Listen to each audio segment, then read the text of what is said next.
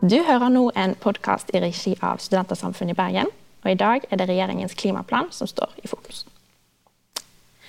Tidligere i år så la regjeringen frem sin klimaplan, som utreder Norges strategi i kampen mot klimaendringene for årene som kommer. Planen har vært til behandling i energi- og miljøkomiteen fram til nå, og i dag, 13. april, skal Stortinget stemme over klimaplanen med en rekke reviderte forslag.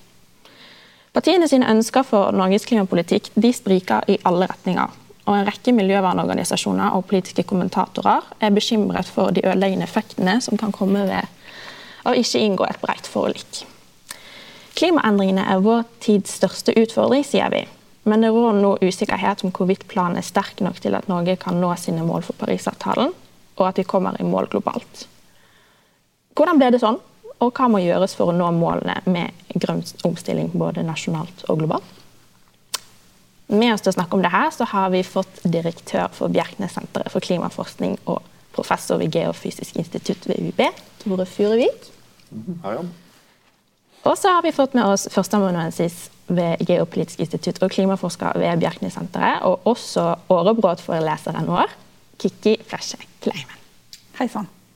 Veldig hyggelig at dere kan stille. Det, tenk, nå har vi veldig grei eh, fagkompetanse på området her. Både instituttledere og direktører i det hele tatt. Men bare sånn for å begynne et sted, hva umiddelbare tanker har dere rundt denne klimaplanen? Ja, hvis jeg skal begynne, da, så vil jeg si at det var blant de som var veldig positive til klimaplanen da den ble lagt fram. Og Norge har som resten av verden sett seg veldig ambisiøse klimamål. Vi skal kutte utslippene med mellom 50 og 55% innen 2030. og Det er jo bare ti år til, eller ni år til nå. Mm. Og, eh, Det er ingen tvil om at vi må ha veldig eh, kraftige, si, kraftige verktøy i verktøykassen dersom vi skal klare å halvere utslippene på bare ni år. Og Klimaplanen som ble lagt fram av regjeringen da 8.1, den mm. var egentlig et svar på det, det som må til. altså en veldig viktig ting der er jo det med CO2-avgift. Altså det, det, viktigste prinsippet er at det må, være, det må koste, det må være dyrt å forurense, og så må det være billig å leve miljøvennlig. Og Det svarte egentlig klimaplanen på. så det var det vil jeg si var en veldig, sånn, veldig positiv til veldig mange ting der. Og, og, en annen ting var jo det med at eh, nå skal det bli sånn årlig eh, klimabudsjett, sånn at en kan ikke lenger tenke at alt skal ordne seg i 2029. Vi skal kutte hvert eneste år framover. Mm. Så jeg vil si at um, for så vidt sånn så miljørørsla, så var jeg veldig positiv til klimaplanen sånn som den, den ble lagt fram. Mm. Jeg er veldig enig med Tore der.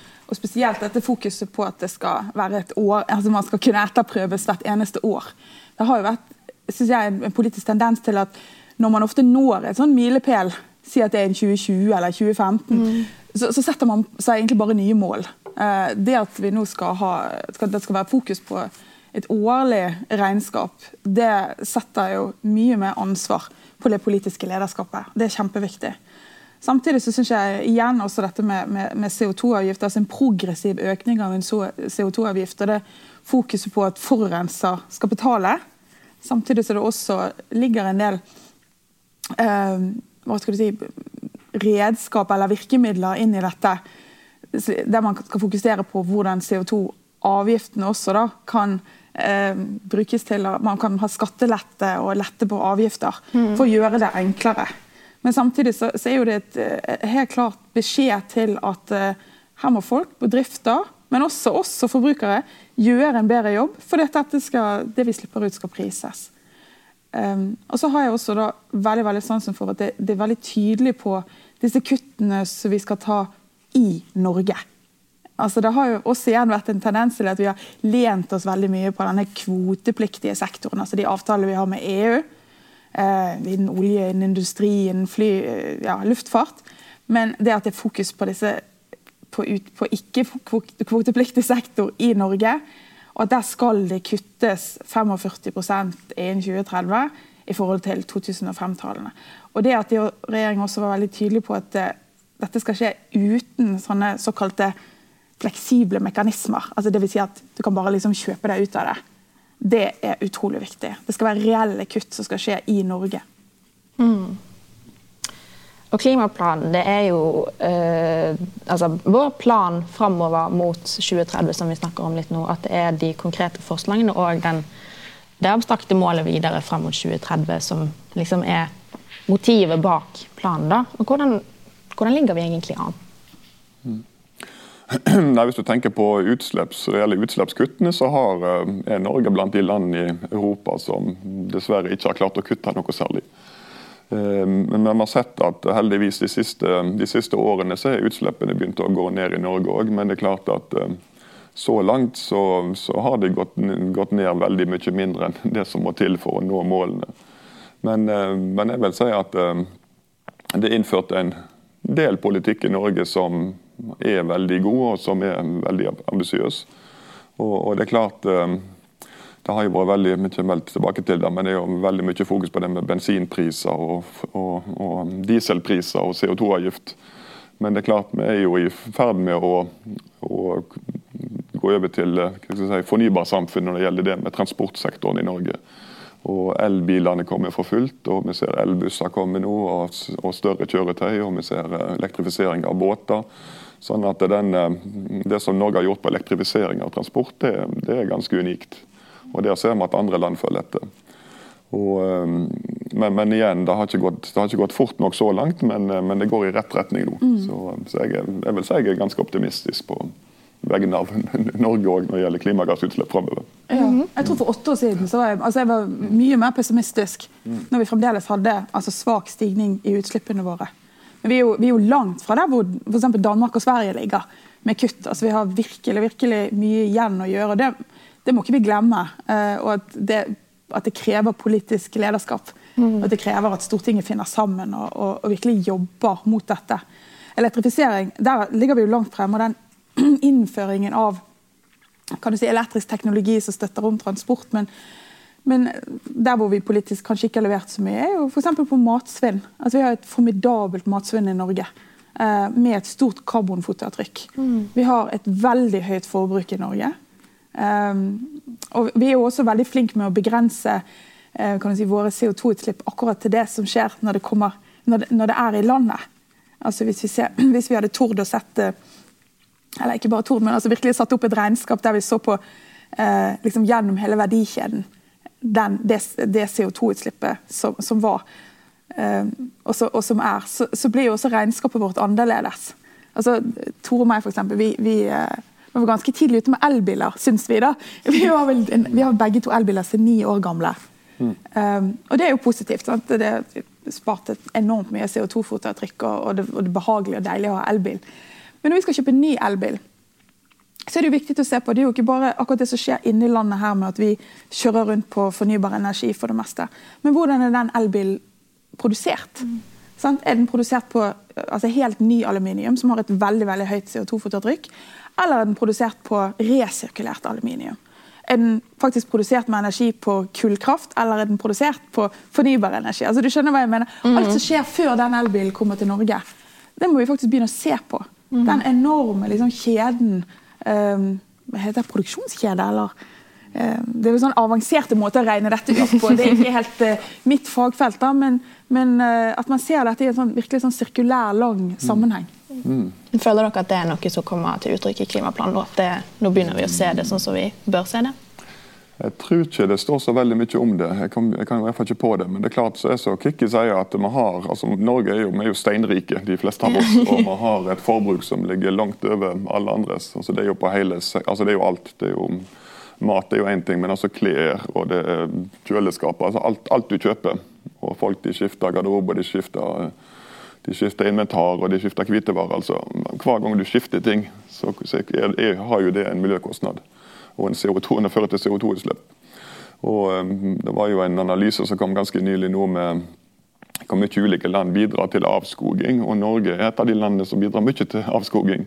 Og Det er fordi at vi kjøper soya fra Brasil, til, enten det er til dyrefôr til gris, griser eller til okser. Vi kjøper soya fra Brasil til å til fiske, fiskefôr i oppdrettsindustrien. sånn at eh, vi importerer, vi importerer veldig mye eller vi eksporterer veldig mye CO2-utslipp til andre land ved at vi importerer varer til Norge.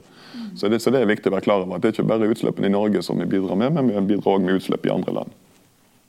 Og det er også, I den sammenheng er det også kjempeviktig å se på så jeg snakket om altså altså hvordan maten produseres eh, og hvor maten kommer fra. Det er kjempeviktig. Men, men, så må vi også se på hva vi kan gjøre med vårt eget eh, energiforbruk. Altså bare i et norsk hus.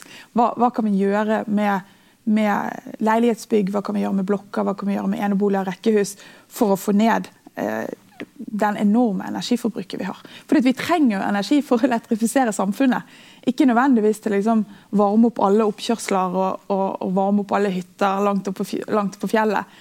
Altså for, for, å sette litt på spissen, sånn, så, så, så, tenker vi nok veldig ofte at det er helt OK å bare skru på alle brytere. Fordi at det, energien for det meste kommer fra vann. Eh, og, og, er liksom per definisjon grønn. Men dette er jo energi som kan gå til å få ned Eh, utslipp i andre land. Og ikke minst kan det gå til å elektrifisere mye av industrien vår, slik at vi ikke får karbonlekkasje. Altså Det koster mye å produsere, det koster mye av energi i Norge. Og Det som veldig mange land gjør da, eh, det er jo å fase ut produksjonen. Sende den et annet sted, hvor, hvor eh, de ikke priser karbonet. Sant? De ikke priser CO2-en i det hele tatt. Og Da får du per definisjon det som vi kaller for en, en, en karbonlekkasje. Det vil si at uh, vi, vi, kjøper jo gjerne og benytter disse produktene, da, men vi betaler jo ingen CO2-skatt på det. Men vi sørger for at det produseres i et land hvor de ikke har CO2-skatt. Mm. Det er jo også en forferdelig uh, Og det skjer i ganske stor grad. Og det må vi også stoppe. Så det er jo mange, mange politiske virkemidler som må til for at vi skal virkelig klare å få ned det norske CO2-avtrykket. Og så må vi også tenke at at ikke bare ja, Skal vi tørre å snakke om det også, Tore? Dette at vi faktisk har et historisk ansvar òg. Vi har produsert olje siden 1969. Siden det året vi ble født, har vi produsert olje. Så vi har et historisk ansvar for store utslipp òg. Ja. Altså, nå begynner det liksom å komme litt av de der tiltakene som du snakker om, at avgiften skal på plass. Vi skal, eh, det kommer litt av de der tingene som vi faktisk trenger. da, men man kan jo hevde at det kommer litt seint. Altså, hvorfor kommer en såpass håndfast, konkret klimaplan først nå, 2021, når vi har snakket om disse klimaendringene såpass lenge? Det er bare ni år til kalenderen viser.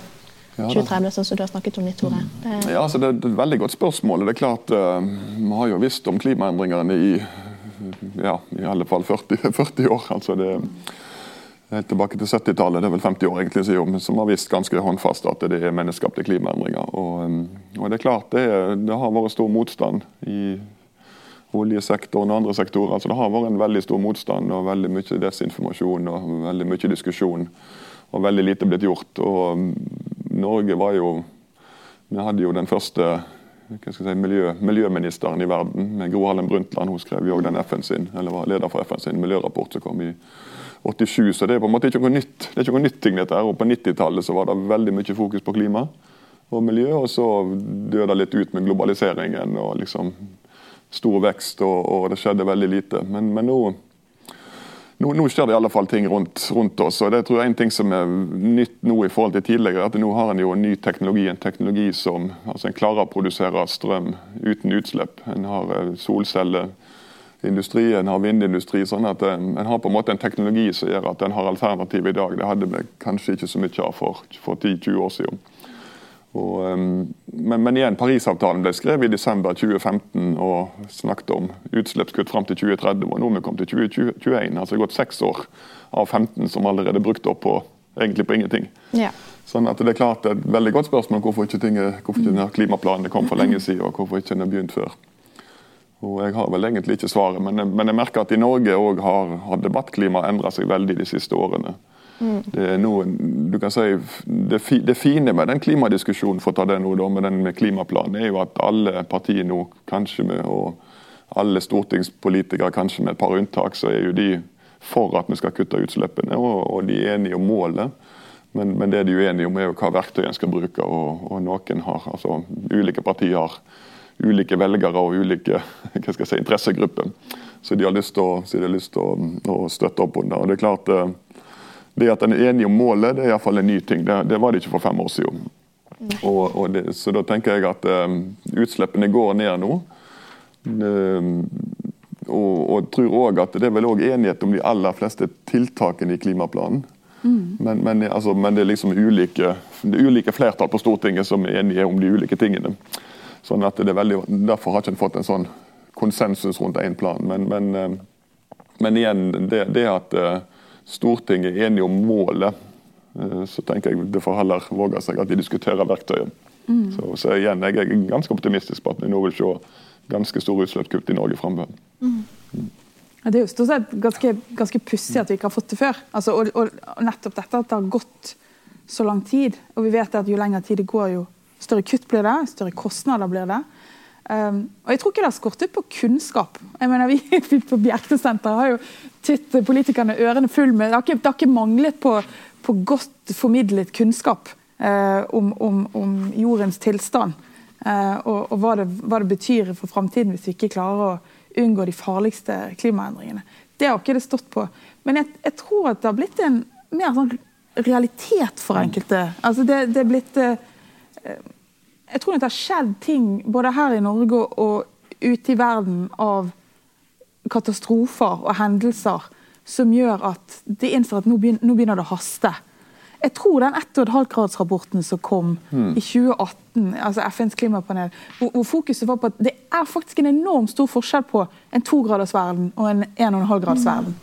Mm. Um, og, og, når vi ser at liksom hele økosystemer som, som, går under og forsvinner, og som kanskje ikke kan oppstå igjen selv om temperaturen går ned, så er det Der tror jeg du skal være ganske tett mellom ørene som politiker hvis du ikke skjønner at her må du faktisk gjøre noe. Her må du ta ansvar. Um, og at det ansvaret må gå på tvers av, av uh, politiske grenser. Det, du må finne sammen. Men jeg, men jeg synes allikevel det, så, så jeg veldig enig med Tore. Det er kjempepositivt at nå de klarer å, å, å, å tenke sammen. Men jeg syns det er kjempenegativt for at de ikke klarer å bli enige om at f.eks. CO2-avgift eh, skal være noe som det er bare et politisk eh, liksom enighet om. At det er et felles redskap. Eh, jeg setter eh, Anders Bjartnes i, i Norsk Klimastiftelse han sa det at kanskje CO2-avgiften kunne vært klimaets handlingsregel. Sånn, vi har en handlingsregel for å, for å bruke oljefondet, men, men, at det kunne vært en, en, en, handlingsregel. Så kan man endelig snakke om hvordan fordelingene skal gjøre og hvor trykket skal være, men at den hadde stått seg sånn, litt sånn fyrtårn, um, så kunne man blitt enige om virkemidler rundt. Det, det, tror jeg hadde vært et veldig viktig signal til næringsliv, til eh, ja, bedrifter der ute og til, og til oss også som, som borgere. At liksom, her har vi faktisk blitt enige om noe helt konkret. Mm. Eh, så det skuffer meg litt, at, at, at jeg ikke klarte å utøve det lederskapet. Mm. Men, men, herlighet i forhold til for fem år siden, uh, dette er positivt. Mm. Ja, det, er veldig, det, er veldig, viktig det Kikki sier om næringslivet. for Det at um, det som jeg opplever der ute, er jo at næringslivet de ønsker jo faktisk de, de ønsker at en skal sette strenge krav. Mm. Men, men, det som er aller viktigst for næringslivet, er jo at det er forutsigbart. sånn at de, de, Hvis næringslivet vet hva CO2-avgiften vil bli i 2022, og i 2025 og i 2030, da, da, har de nok til å kunne gjøre beslutninger. Sånn. Da kan de investere i grønn teknologi, for da vet de hvor mye de altså de vet de kostnadene, og de vet hvor mye de vil spare. Men, men, hvis det er sånn at det er helt usikkert for hvert år, hvis ingen aner hva CO2-avgiften vil bli om to år eller om fem år, så har de jo ikke beslutningsgrunnlag for å investere heller. Sånn at det med forutsigbarhet når det gjelder det med politikken, det er, det er egentlig det aller, aller viktigste for å få til grønn omstilling i samfunnet.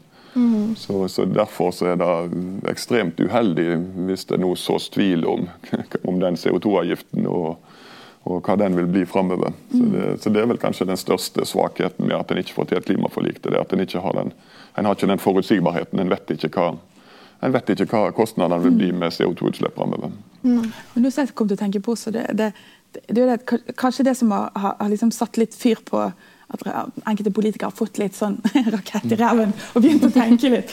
Det er vel kanskje det at næringslivet har agert helt mm. uten at politikerne har agert. At, de at, at det er så tydelig at det har skjedd en sånn man kaller det investering. Altså investert vekk fra fossilt.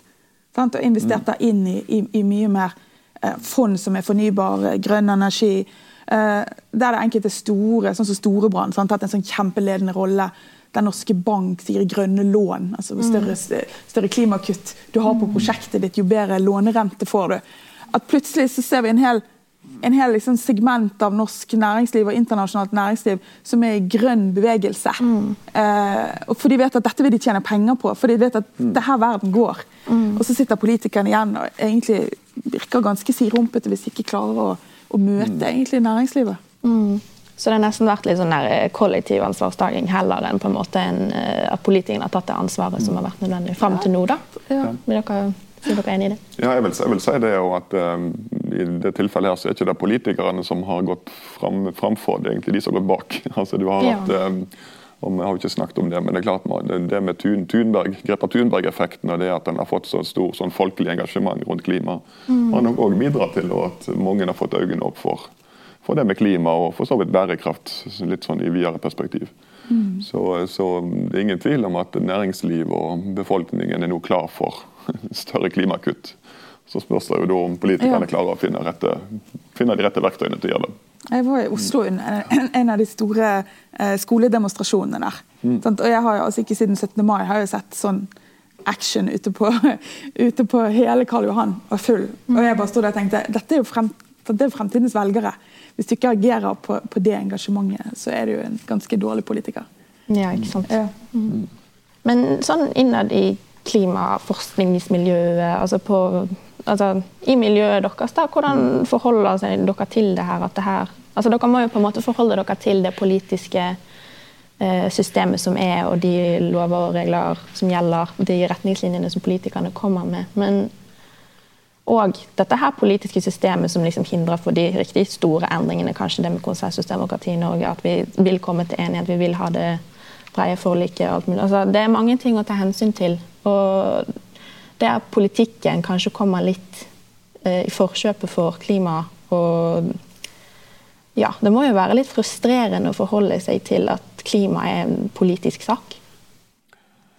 Eh, ja, både òg. Altså, det er klart eh, debatt, debattklimaet, debattklima, for å ta det først, da, så har jo det vært ganske tøft til tider. Altså ja. det, at, eh, det å stå fram som klimaforsker, da får du mm, inn, innboksen din og for så vidt sosiale medier, så da får du passet ditt påskrevet. Ja. Ja, så, men, men, men det, det, det, merker jeg. Jeg, jeg syns det er blitt litt, litt mindre eller litt bedre nå. Og, det er klart, eh, men det, men det at feltet er så politif, politifisert, er jo på en måte en fordel. For det gjør jo òg at det er lett å komme ut i media med, med, med meninger og ting. Men det er litt frustrerende å se at, eh, at når du kommer, med, du kommer, med, kunnskap, og du kommer med alvorlig kunnskap, og, og, og ser at det, da, det fører til litt debatt, og så feider det helt ut, og så skjer det ingenting allikevel. Det, det syns jeg er litt frustrerende. Ja, jeg har eh, vi har jo begge to drevet kjempemye med formidling i altså alt fra bank og finans til, eh, til folk flest. Mm. For de ytterste skjær til den innerste jord. Så vi, vi, vi jo, reiser rundt mye og treffer folk. Og stort sett så må jeg ærlig talt si at jeg opplever folk som veldig nysgjerrige. Og, og, jeg skal ikke si at jeg opplever folk som bekymret, men de er engasjert. Mm. Eh, og, og, de er veldig engasjert på det som skjer rundt dem. Eh, det er veldig mange som, som jeg utfordrer dem på om de ser at noe har endret seg, så, så, er det, så, er det, noe som folk absolutt snakker om. De snakker gjerne om, om, om, om sin, sitt, sitt, regn, sine ras, det, det de ser i, i nærområdene, Sant? På endring av sesonger. Dette er noe som, som, som folk eh, har, har, tatt inn og skjønner at det er en endring.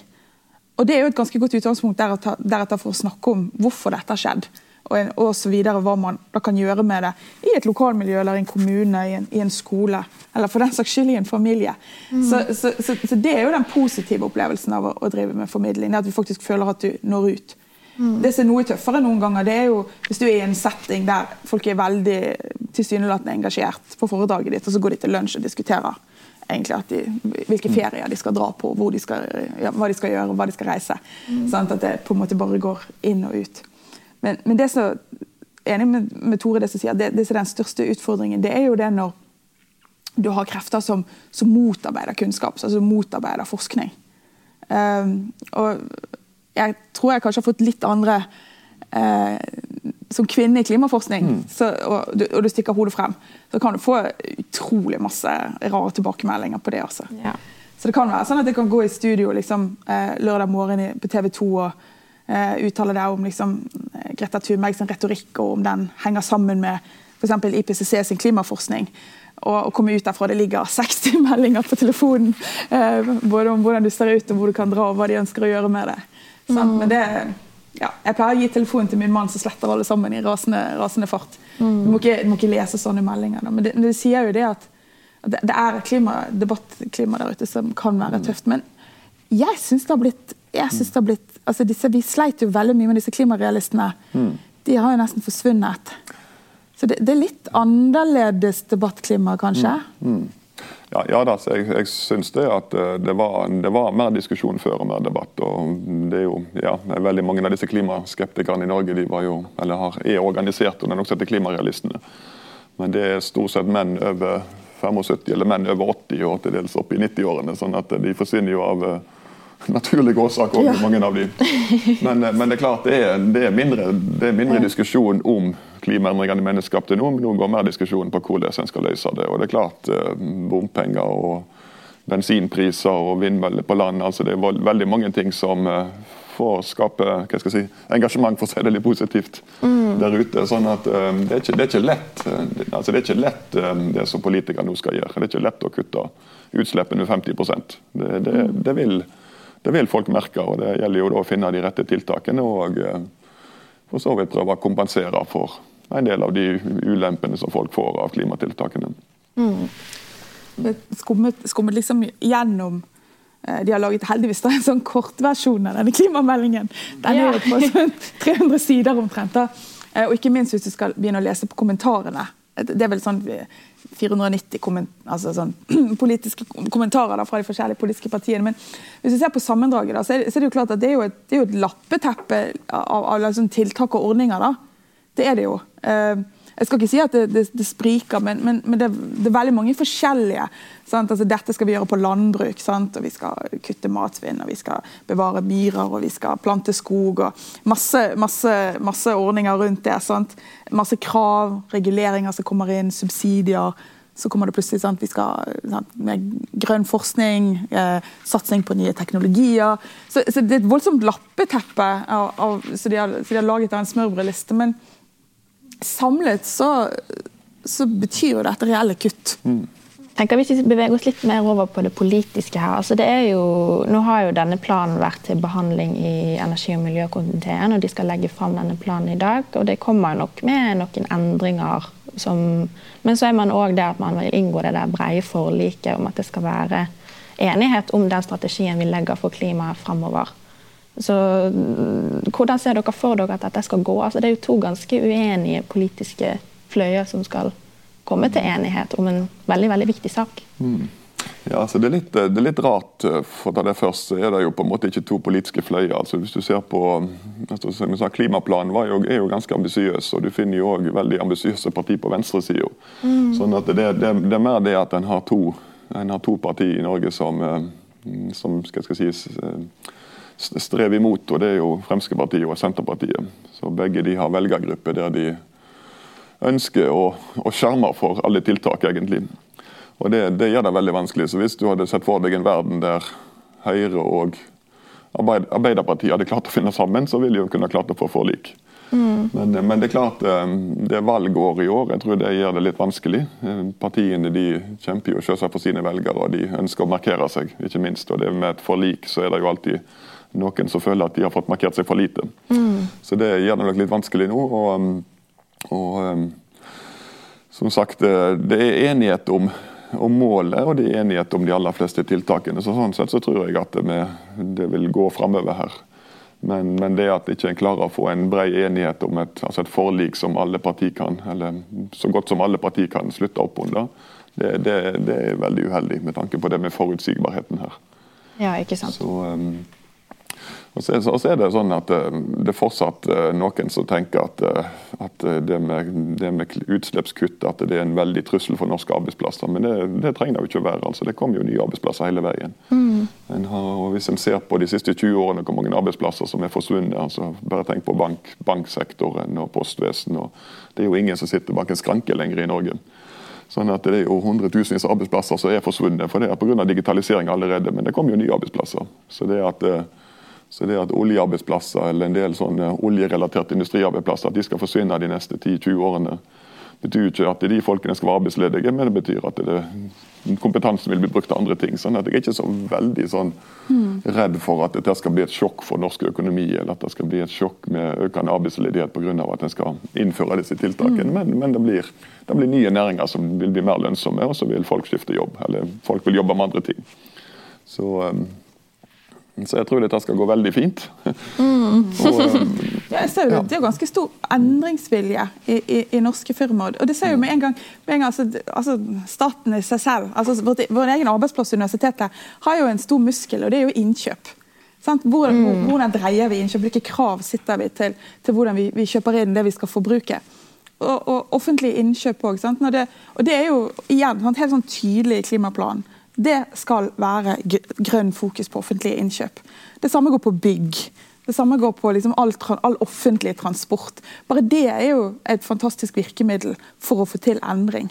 Eh, og det ser vi at, at eh, det var et av disse energiselskapene her er det, er det Fjord? Eller var det Fjordkraft, ja. Fjordkraft sånn, som sa helt tydelig krav til leverandørene sine. Sant? dere skal levere på disse klimapunktene. Mm. Og hvis du ikke kan det, så, så får du ikke levere til dem. Da, da, blir du ikke en av deres uh, kunder. Mm. Uh, og dette gjør jo nå staten. Det, det står veldig tydelig i mm. klimaplanen òg. Og det vil jo automatisk føre til en dreining der firmaet må tenke ok, mm. hvordan kan vi gjøre opp vårt eget klimaregnskap for å være en god bedrift.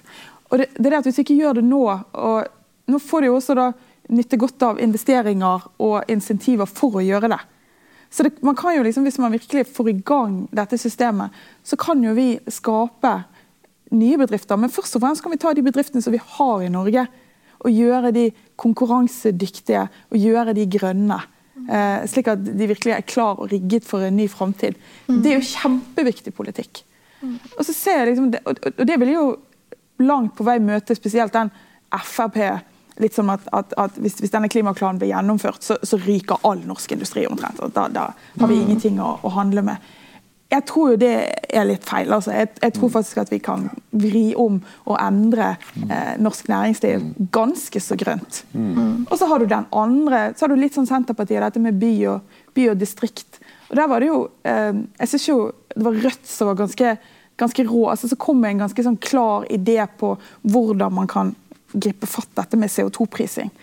Der at CO2-avgiftene økes progressivt. Det er jo planen. Sant? De skal gå fra 590 til 2000 mm. kroner per, per tonn. Per tonn sant? Eh, men så er det sånn at de inntektene som staten får, de betales foreslår Rødt betales tilbake som en klimarabatt til folk med middels og lave inntekter. Og så Samtidig så får du også en, en, en fordelingsnøkkel eh, rundt i landet som, som, som, eh, vi allerede har i dag, for vi har differensiert arbeidsgiveravgift rundt i landet. Og at, at man, man, kan betale tilbake eh, den CO2-avgiften. Og Da hadde det blitt mye enklere for folk som bor i distriktene, og fremdeles har fokus på transport. og du hadde fått en differensiering mellom by og land. Mm, mm. Og kanskje, kanskje møtt noe av den, av den, politiske kritikken som er i dag. Mm. Og det, det, det som var litt dumt i denne klimaplanen, at man eh, ikke ja, åpnet så mye kanskje for, for denne type samtaler og, og, og, debatt der man kunne komme til et bredere forlik. Mm. Så jeg, jeg, tror det ligger en del virkemidler i det. Bare man ikke går ned i disse skyttergravene eh, som er liksom det at, at, Norge skal være delt på midten politisk. Mm. Det, det, kan jo ikke gjøre eh, klima, med klima i det hele tatt. Så må vi se på liksom at man klarer å gå fra fra en måned til neste i USA, og så er man liksom tilbake i Parisavtalen og har satt en new deal for grønne investeringer i USA som er helt rå. Mm. eh, så vi må jo bare, vi må bare hive oss på samme bølgen. Dette, vi kan jo ikke sitte og sove. Vi har jo sovet i åtte år. Mm. Det er vel på tide å våkne opp fra det der skillelinje som du snakker om, og begynne å dra i samme retning alle sammen. Mm. Mm. Men jeg tenker på, altså, det er jo mange miljøvernorganisasjoner. Dere også, for så vidt har jo kommet og sagt noe at dere er positive til innholdet i klimaplanen. Dere er positive at den kommer, og at. Det vil ha en stor effekt. Det vil skape forutsigbarhet. det vil gjøre alt det der. Dette her kommer jo, Motstanden kommer jo først og fremst fra partiene, opposisjonspartiene. Folk som er uenige. Og man kan jo trekke det liksom til den politiske vinningen. Vi vil ha resultater i valgkampen. Vi vil ha profilere oss sjøl politisk, men kan man òg trekke det litt til Er politikere litt fjern? i forhold til hva, hva som betyr noe her? Um, altså jeg tror noen politikere er fortsatt dessverre litt sånn uopplyst, og at ikke de, de, de, ser ikke helt hva vei vinden blåser nå. Og for det, det, er jo ikke bare Norge som skal kutte utslipp, altså hele verden kutter utslipp nå. Og Europa, altså Norge er jo veldig tett kobla på EU, og EU skal kutte utslippene med 50-55% òg innen 2030. Og, og det med å Altså det er veldig mange som er opptatt av som sagt, norske arbeidsplasser, og, og Frp ble jo nevnt her. Men, men, men det, å skjerme, altså det å skjerme industri for CO2-avgift f.eks., det, det er å gjøre dem en bjørnetjeneste. For, for, det er jo klart at Hvis du sitter igjen med en gammel type industri med store utslipp, samtidig som verden er på vei mot et fornybarsamfunn, så jeg ser jo det oppskriften på å få en utdatert, ikke konkurransedyktig industri i framtida. Så jo, jo, raskere en klarer å få til den overgangen til altså den grønne omstillingen, eller jo raskere en klarer å få til et fornybarsamfunn, jo mer konkurransedyktige er jo de norske arbeidsplassene framover. Så jeg tror tvert imot det, altså, det er ikke det at en, en, klarer ikke å bevare arbeidsplasser med å skjerme de for CO2-avgifter. Eh, en, en, en, faktisk vil klare å komme til å nedlegge arbeidsplasser på den måten. Sånn at, eh, så jeg tror politikere må rett og slett innse hva vei er verden, altså hvor går verden nå. Og skal Norge være en del av den verden, så må vi henge med. Det er så enkelt som det. Så, um, og så er det vår jobb da til å passe på at, at, at, det er eh, Og ikke bare liksom vi som natur, eh, altså naturvitenskapelige klimaforskere, men, men, forskere i det hele tatt. Passe på at de, de virkemidlene som, som, som, nå settes i gang, faktisk fungerer. Um, og det er jo spesielt jeg er veldig opptatt av det med transportsektoren. At du, altså, det at man ikke har klart å få et skikkelig sånn CO2-forlik. Ehm, det betyr jo det at det går an å kan ty til løsninger som at vi og Det var jo det som har stått for litt av denne nedgangen eh, i utslippene i Norge. Det er jo det at vi har mikset inn mer biodrivstoff. Eh, og da må vi ha veldig fokus på hvor det kommer fra. Eh, for det, det, det er klart at veldig mange av de kuttene som må skje i transportsektoren, kan ikke skje ved at det produseres mer eller mindre godt eh, biodrivstoff mm. rundt om i verden som vi importerer. Det er ikke en, er ikke en løsning på, på norske, å få ned utslippene i norsk eh, transportsektor i det hele tatt. Nei, for Det høres ut som man er nødt til å balansere veldig mange hensyn her. Man er nødt til å balansere eh, det politiske forhold til politisk vinning. Man er nødt til å balansere at dette her skal liksom nå ut til noe. Man er nødt til å Så har vi jo det her med at folk har blitt mer opplyst. Vi har fått teknologien, vi har fått mulighetene. Vi har liksom Det er noe som drar i begge retninger. Da. Både til at vi skal eh, klare å oppnå større klimaendringer, og noe som òg er litt igjen, at vi er redd for de arbeidsplassene fortsatt. Det er mange ting å ta hensyn til her. Så nå ser jeg at vi kanskje er nødt til å begynne å runde av litt. Så hvis vi bare skal ta en liten her, er vi positive eller er vi negative fram mot 2030 eh, nå? Jeg er positiv. Samtidig så, så, tikker klokken. Altså, vi er allerede fire måneder inn i 2021. Eh, og ny forskning i vårt forskningsfelt viser det at eh, vi har kanskje ikke 10-15 år på oss før eh, vi når 1,5 grad. Temperaturen stiger hurtig. Eh, og eh, Derfor så krever det også at vi agerer hurtig. Og selv et lite land som Norge har et enormt stort ansvar. Mm. Så jeg er positiv, men jeg er også litt realist. Mm. I bunn og grunn. Mm. Ja, da, og som jeg sa, jeg går, veldig positiv til klimaplanen som ble lagt fram. Og, um, og Den ble jo lagt fram av høyresida. Etter valget det er vanskelig å si hvem som eller vi vet vel fortsatt ikke hvem som blir politikerne som skal styre etter valget. Men det er klart det, det finnes jo veldig, no, veldig mange progressive politikere på begge sider når det gjelder klima, klimautslipp og klimagasskutt. Sånn at eh, Jeg er veldig positiv til at vi nå vil se eh, store utslippskutt i årene som kommer. Eh, det er ikke sikkert vi klarer målene i 2030, for da har vi utrolig lite tid på oss. Og Det er heller ikke sikkert vi klarer halvannengradersmålet, kanskje til og med ikke togradersmålet heller. Men, men det som er viktig nå, er at vi ser at hele Europa, vi ser USA, de har jo kommet på igjen til Parisavtalen. De har sagt de skal bli klimanøytrale innen 2050. Europa skal bli det. Vi har sett at Kina har sagt de skal bli klimanøytrale innen 2060. sånn at det, det, det, skjer noe nå i hele verden. Teknologien er der, og finansmarkedet reagerer. Det blir veldig dyrt å forurense framover. Det blir billig å være miljøvennlig. sånn at eh, det er såpass mange eh, si, drivere nå som går i rett retning, så jeg, jeg er positiv til at eh, vi vil klare å håndtere klimaendringene i alle fall innenfor et eller annet nivå. Det blir jo verre, verre enn i dag, men vi vil klare å håndtere det.